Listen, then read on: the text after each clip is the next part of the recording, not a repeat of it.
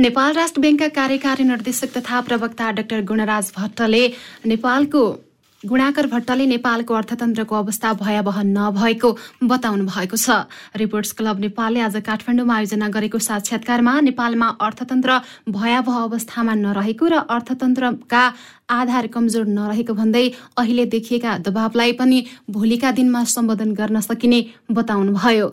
उहाँले नेपालको मुद्रा स्फूर्तिमा पनि समस्या परेको उल्लेख गर्नुभएको छ। शोधान्तरण स्थिति नेपालबाट कति रकम बाहिर गयो र नेपालमा कति रकम बाहिरबाट आयो भन्ने कुरा हेर्दा शोधान्तरण स्थिति दुई सय सत्तालिस अर्बले घाटामा रहेको उहाँले बताउनुभयो। भट्टले गत वर्षमा मात्रै नेपालले पचास अर्बको चामल आयात गरेको तथ्याङ्क उल्लेख गर्दै यो वर्षको आठ महिनामा मात्रै सैतिस अर्बको चामल आयात गरेको जानकारी दिनुभयो। औषधि लगायतका अत्यावश्यक वस्तु आयात गर्नुको लागि पनि विदेशी विनिमय सञ्चित जतन गर्नुपर्नेमा उहाँको जोड छ। विदेशी विनिमय सञ्चित छ। त्यो विदेशी विनिमय सञ्चित गत वर्षको भन्दा उल्लेख्य चाहिँ केही घटेको अवस्था हो। गत वर्ष हामीसित बाह्र महिनाको वस्तु तथा सेवा आयात धान्न पुग्ने यही बेलामा हेर्दाखेरि त्यति विदेशी विनिमय सञ्चित थियो भने अहिले त्यो घट्दै आएर छ दशमलव सात महिनाको वस्तु तथा सेवा आयात धान्न पुग्ने विदेशी विनिमय सञ्चितमा झरेको छ। अहिलेको मूल्य वृद्धिले हामीले पेट्रोलियम पदार्थको उपयोगमा अलिकति किफायती बन्नुपर्छ भन्ने देखिएको र विदेशी विनिमय सञ्चितमा चनाखो हुनुपर्ने उहाँले बताउनुभयो। नवनियुक्त कानून न्याय तथा संसदीय मामिला मन्त्री गोविन्द शर्मा कोइरालाले शान्ति प्रक्रियाका बाँकी काम सम्पन्न गर्न आफ्नो ध्यान केन्द्रित गर्ने बताउनु भएको छ। राष्ट्रपति विद्यादेवी भण्डारीबाट पद तथा गोपनीयताको शपथ लिएपछि मन्त्रालयमा पदभार ग्रहण गर्दै विभिन्न कारणले शान्ति प्रक्रियाका बाँकी काम सम्पन्न हुन नसकेको भन्दै आफ्नो ध्यान यसैमा केन्द्रित गर्ने उहाँले बताउनु भएको हो। प्रधानमन्त्रीले शान्ति प्रक्रियाका विषयलाई निष्कर्षमा पुर्याउन दिएको जिम्मेवारी पूरा गर्ने उहाँको भनाइ छ। उहाँले सत्य निरूपण तथा मेलमिलाप आयोगलाई क्रियाशील बनाउनका लागि आवश्यक कानून बनाइने जानकारी पनि दिनुभयो।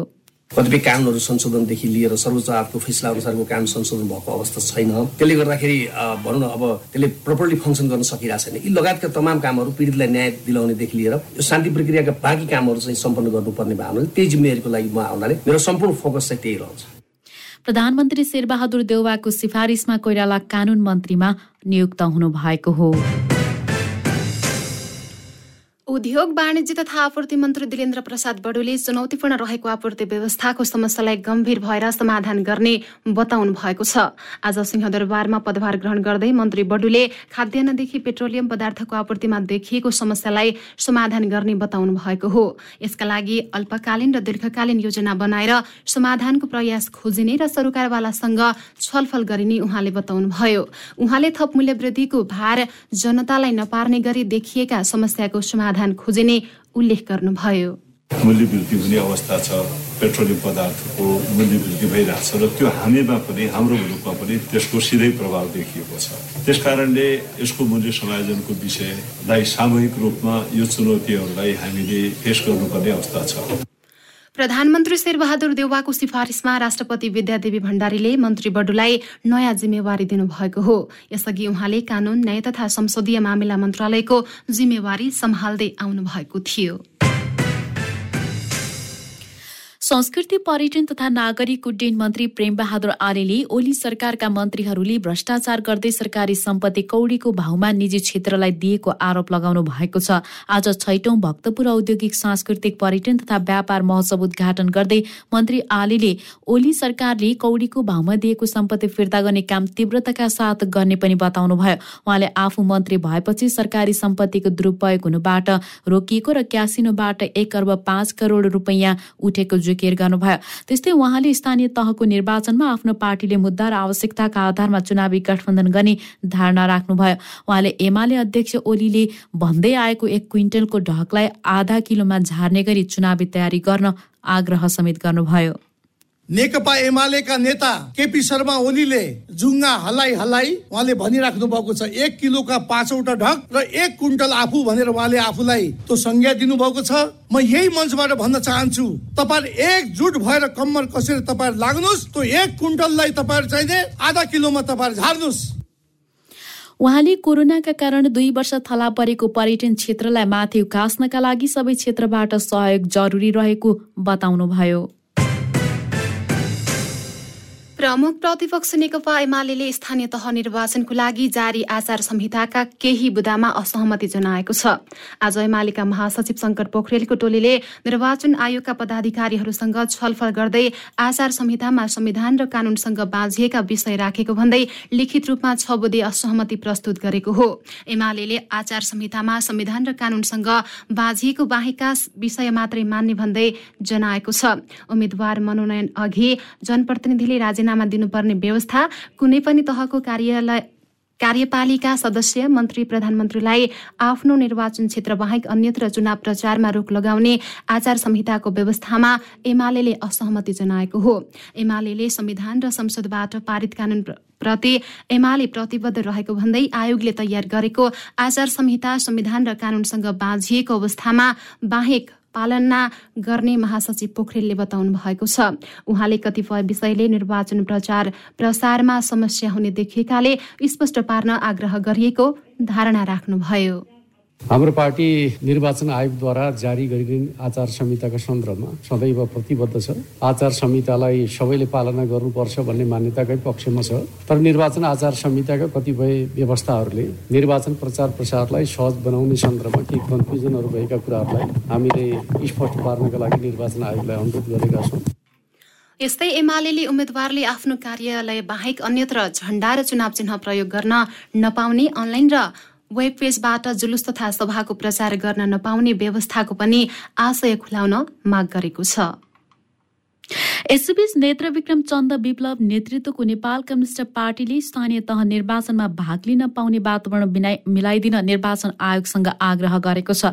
नेकपाका प्रवक्ता खड्गबहादुर विश्वकर्मा प्रकाण्ड सहितको टोलीले आज आयोगका पदाधिकारीलाई भेटेर निर्वाचनमा भाग लिने वातावरण बनाइदिन आग्रह गरेको हो। प्रकाण्डले आफ्नो पार्टीलाई निर्वाचनमा भाग लिनका लागि मतदाता नामावलीमा नेता कार्यकर्ता नै नरहेकाले नामावलीमा समावेश हुने अवसर मागेको छ। त्यस्तै दल दर्ताका लागि पनि प्रकाण्डले समय माग्नु भएको छ। आफ्नो पार्टीका नेता कार्यकर्ता जेलमा रहेकाले उनीहरू पनि रिहा भएर निर्वाचन प्रक्रियामा भाग लिन पाउनुपर्ने विप्लव नेतृत्वको नेकपाको माग रहेको छ।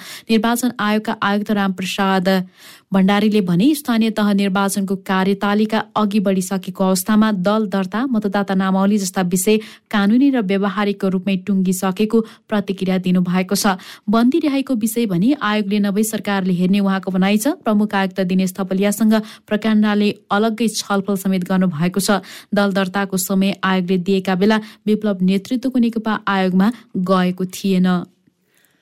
यसैबीच नेपाल कम्युनिष्ट पार्टीका महासचिव नेत्र विक्रमचन्द विप्लवले दुई हजार छत्तीस सालमा पञ्चायत र बहुदलीय जनमत संग्रह गरे जस्तै अहिले संसदीय व्यवस्था र वैज्ञानिक समाजवादीको बीचमा वर्गको व्यवस्था भएको भन्दै उहाँले जनताले शासन गर्न पाउने व्यवस्था ल्याउन वैज्ञानिक समाजवादको व्यवस्था लागू गर्नुपर्ने बताउनुभयो। नेकपाले कहिल्यै पनि संसदीय व्यवस्थालाई स्वीकार नगर्ने भन्दै उहाँले यो व्यवस्था दलाल र पुँजीपति वर्गको मात्रै व्यवस्था भएको बताउनुभयो।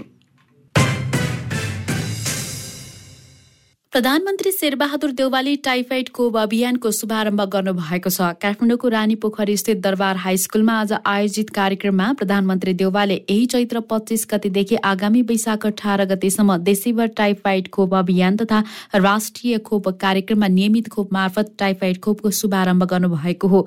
कार्यक्रममा प्रधानमन्त्री देउवाले कोविड संक्रमण नियन्त्रणमा सफलता पाए जस्तै टाइफाइडमा पनि सफलता पाउने विश्वास व्यक्त गर्नुभयो। उहाँले यस अभियानबाट देशका पन्ध्र महिनादेखि पन्ध्र वर्ष उमेर समूहका करिब पचहत्तर लाख बालबालिका लाभान्वित हुने उल्लेख गर्नुभयो। उहाँले राजधानी लगायत सहरी क्षेत्रमा फोहोरको समस्याको दिगो समाधानका लागि फोहोरको प्रशोधन प्लान्ट स्थापना गरी त्यसबाट ग्यास तथा विद्युतीय ऊर्जा उत्पादन गर्न सकिने हुँदा यसतर्फ लाग्न स्थानीय निकायहरूलाई आग्रह समेत गर्नुभयो। उहाँले राजधानी काठमाडौँमा फोहोरको समस्याले सौन्दर्यतामा रास आउनुका साथै अनेक रोगको संक्रमण फैलने जोखिम रहने हुँदा फोहोर व्यवस्थापनमा ध्यान दिनुपर्ने भनाइराख्नुभयो खोप अभियान सबै तहका सरकार विभागहरू अनि सम्पूर्ण सरकारमा सबै लक्षित सबै बालबालिकालाई खोप ल्याउने कार्यमा सहयोग गर्न सबैहरू सबैलाई गर्दछु त्यस्तै स्वास्थ्य तथा जनसङ्ख्या मन्त्री विरोध खतिवड़ाले कोविड रोग नियन्त्रणमा नेपालले विश्वमै उदाहरणीय सफलता हासिल गर्न सकेको उल्लेख गर्नुभयो। उहाँले दक्षिण एसियामा नेपालले पहिलोपटक टाइफाइड रोग विरुद्धको खोप अभियान सुरु गर्न लागेको जानकारी दिनुभयो। सोह्र थरी खोपमा सोह्रै थरी खोप प्रत्येक देशले लगाएको अहिलेसम्म लगभग लगभग छ भन्ने जस्तो लाग्दैन। तर हामी कहाँ एघार प्रकारका खोप योभन्दा अगाडि हामीले लगाइसकेका छौँ लगाइरहेका छौँ। भोलिबाट यो टाइफाइड विरुद्धको खोप सञ्चालन भएपछि बाह्र प्रकारको हुन्छ। राष्ट्रिय खोप कार्यक्रमलाई सरकारले पहिलो प्राथमिकता एवं जनस्वास्थ्यको सफल कार्यक्रमको रूपमा लिएको छ। नेपालमा अझै पनि टाइफाइड रोगको उच्च संक्रमण र जोखिम रहनाका साथै अस्पताल भर्ना हुने कारण मध्ये प्रमुख पाँचभित्र रहेको देखिएको छ। खोप सुरुमा पन्ध्र महिनादेखि पन्ध्र वर्ष उमेर समूहमा देशैभर अमि अभियान मार्फत सञ्चालन गरी त्यसपछि नियमित खोप मार्फत पन्ध्र महिनाका बालबालिकालाई निरन्तर उपलब्ध गराइने स्वास्थ्य मन्त्रालयले जनाएको छ। माओवादी केन्द्रका अध्यक्ष पुष्पकमल दाहाल प्रचण्डले संविधानमाथि आक्रमण गर्ने र च्यात्ने अधिकार कसैलाई नभएको बताउनु भएको छ। सिराहाको मर्सैयामा मिर्चैयामा आज आयोजित कार्यक्रमलाई सम्बोधन गर्दै दाहालले कुनै पनि वाहनामा संविधानमाथि आक्रमण गर्ने र च्यात्ने अधिकार नरहेको बताउनु भएको हो। संविधानमा धेरै विषय समेट्न बाँकी रहेको भन्दै उहाँले आफू प्रधानमन्त्री हुँदा दुई पटक मधेसी सहितका अधिकार समेट्न संविधान संशोधनको प्रस्ताव दर्ता गराएको बताउनुभयो। नागरिकता सम्बन्धी समस्या मधेसमा रहेको बताउँदै उहाँले अध्यादेश मार्फत भए पनि नागरिकताको समस्या समाधान गरिने बताउनु भएको छ। एक अर्को प्रसङ्गमा उहाँले पार्टीभित्र अल्पमतमा परेपछि तत्कालीन प्रधानमन्त्री र साबिक अध्यक्ष केपी शर्मा ओलीले संसद विघटनको प्रयास गरेको बताउनुभयो तर ओलीको प्रतिगमनलाई गठबन्धनले परास्त गरेको दाहालको भनाइ छ। ऊर्जा जलस्रोत तथा सिंचाई मन्त्री पम्फा भूषालले लोकतान्त्रिक मूल्य मान्यतामा प्रतिबद्ध रही समृद्ध नेपाल निर्माणका लागि निजी क्षेत्रलाई आग्रह गर्नुभएको छ। आज ललितपुर चेम्बर अफ कमर्सको दोस्रो वार्षिक साधारण सभाको उद्घाटन गर्दै उहाँले ठूलो राजनीतिक परिवर्तनपछि सार्वजनिक निजी र सहकारी गरी तीन खम्बे अर्थनीति अवलम्बन गरी देशको आर्थिक विकासको लक्ष्य लिएको समेत बताउनुभयो। मन्त्री भूषालले निजी क्षेत्रका जति संस्था भए पनि देशको आर्थिक विकासमा मिलेर र समन्वय गरेर आफ्ना क्रियाकलाप बढाउने विश्वास व्यक्त गर्नुभयो। उहाँले उद्योगी व्यवसायको समस्या समाधान गर्न सरकार प्रतिबद्ध रहेको धारणा राख्नुभयो। देशकोमा एउटा ठुलो राजनीतिक परिवर्तनपछि देशको आर्थिक सामाजिक विकास समृद्धि सम्पन्नता र संविधान त नै हामी समाजवादको आधार तयार पारेर समाजवादमा जाने आर्थिक नीति तय गरेका छौँ। यो सन्दर्भमा राज्यले निजी क्षेत्र र सहकारी का तिन आयामहरूको प्रयासद्वारा समायोजनद्वारा त्यो उद्देश्य त्यो लक्ष्य प्राप्ति गर्ने उद्देश्य राखेको छ। कार्यक्रममा नेपाल चेम्बर अफ कमर्सका अध्यक्ष राजेन्द्र मल्लले निजी क्षेत्रका समस्यालाई सरकारले सम्बोधन गर्ने विश्वास व्यक्त गर्नुभयो। गण्डकी प्रदेशका युवा तथा खेलकुद मन्त्री राजीव गुरुङ उर्फ दीपक मनाङ्गेले कार्यकक्षमै कर्मचारीमाथि हातपात गरेपछि कास्कीका कर्मचारी आन्दोलित भएका छन्। निजामती सेवामा कार्यरत सम्पूर्ण कर्मचारीको पेसागत हक हितको संरक्षण अनिवार्य हुनुपर्ने मागसहित उनीहरू आन्दोलित बनेका हुन्। राजनीति र प्रशासन एकै सिक्काका दुई पाटा भएको भन्दै राजनीतिले प्रशासनलाई विभिन्न आक्षेप लगाएको स्पष्ट रहेको भन्दै उनीहरूको संयुक्त विज्ञप्तिमा जारी गरी मन्त्री जस्तो जिम्मेवार पदमा रहेको व्यक्तिले गरेको निन्दनीय घटनाप्रति ट्रेड युनियन कर्मीले भर्त्सना गरेका छन्। मन्त्रालयका अधिकृत प्रकाश ओझामाथि मन्त्री मनाङेले मंगलबार चार बजेट आफ्नै कार्यकक्षमा बोलाएर तथानाम गालेर आक्रमण गरेको भन्दै घटनाको छानबिनको माग गरेका छन्। म्याग्दीमा पाँच दलीय सत्ता गठबन्धन हुने भएको छ। आउँदो निर्वाचनका लागि पाँचवटै दलका जिल्ला नेतृत्व बसेर सबै पालिकामा गठबन्धन गर्ने निर्णय गरेका हुन्। छवटा पालिका रहेको छ।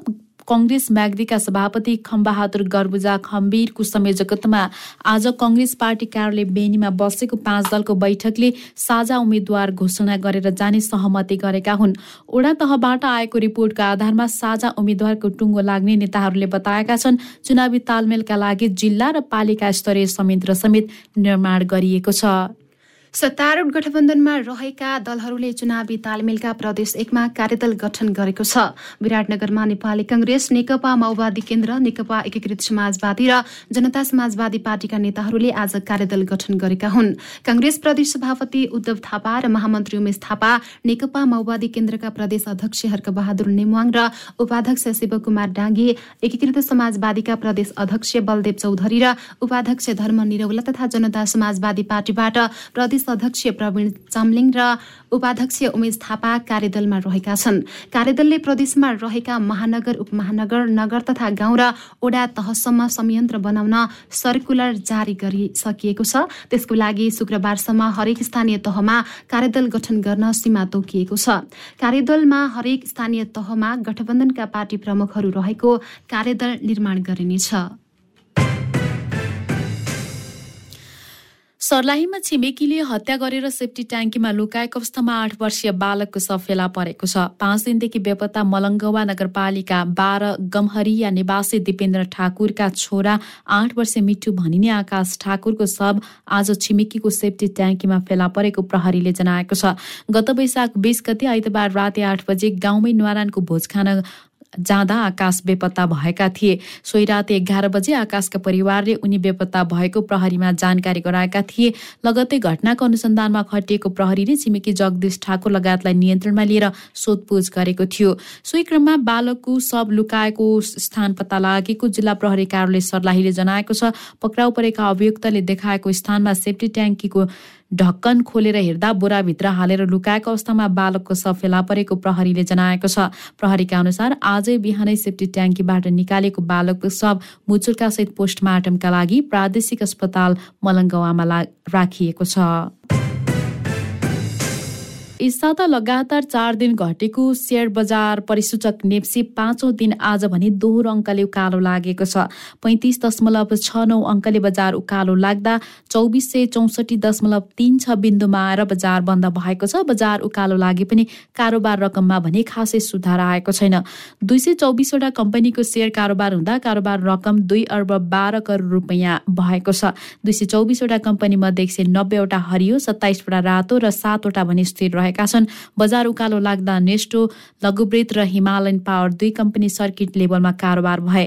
नेस्टो लघुब्रेतको अन्तिम कारोबार सत्र सयमा र हिमालयनको भने चार सय बैसठी रुपियाँमा कारोबार भएको छ। यसै क्रममा नेपाल दूरसञ्चारको सेयर मूल्य भने बैसठी अङ्कले बढ्दा अन्तिम कारोबार एघार सय तिसमा भएको छ।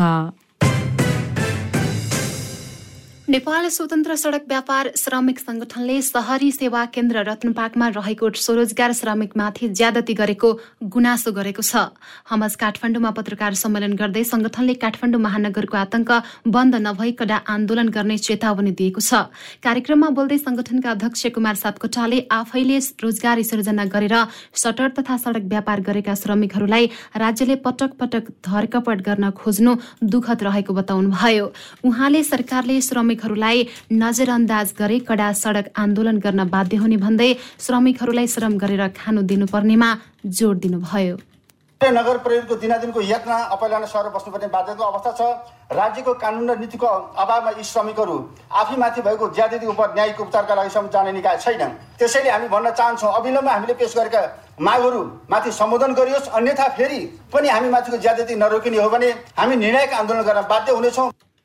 यस्तै उहाँले काठमाडौँ महानगरपालिका र ठेकेदारले व्यापारीहरूलाई क्षतिपूर्ति दिनुपर्ने माग गर्नु भएको छ। कोरोनाले थलिएका व्यापारीहरूलाई सरकारले राहत दिनुपर्ने ठाउँमा उल्टो सिद्ध्याउन खोजेको उहाँको भनाइ छ।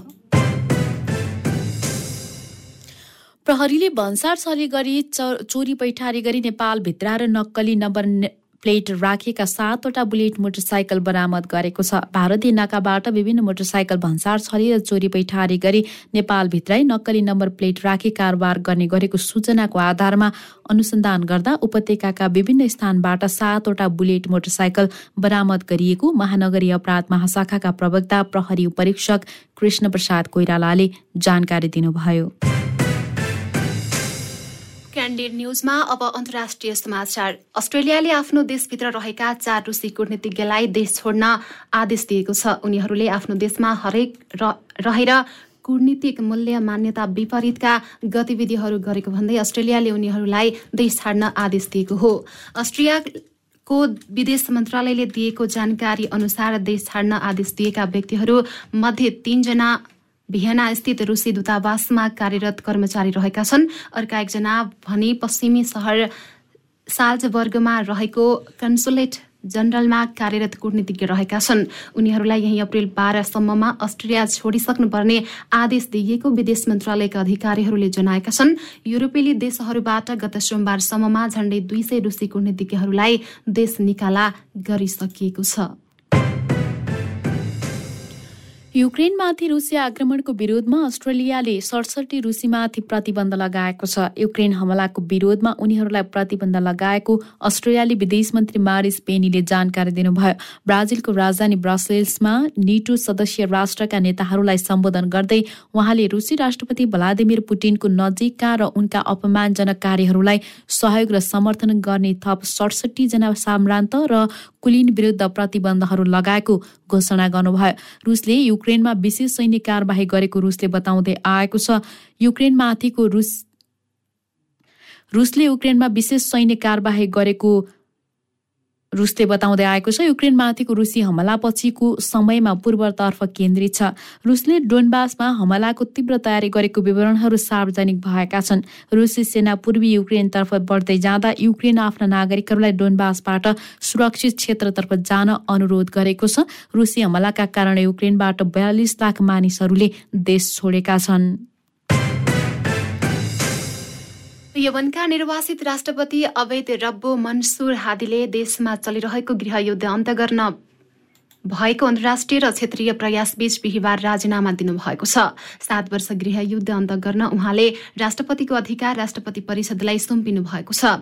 राष्ट्रपति हादीको निर्णयका पछाडि साउदी अरेबिया र संयुक्त अरब इमिरेट्सको हात रहेको बताइएको छ। राष्ट्रपतिको यो निर्णयलाई दुवै देशले तत्काल स्वागत गर्दै यमनलाई तीन अर्ब डलर सहयोग गर्ने घोषणा गरेका छन्।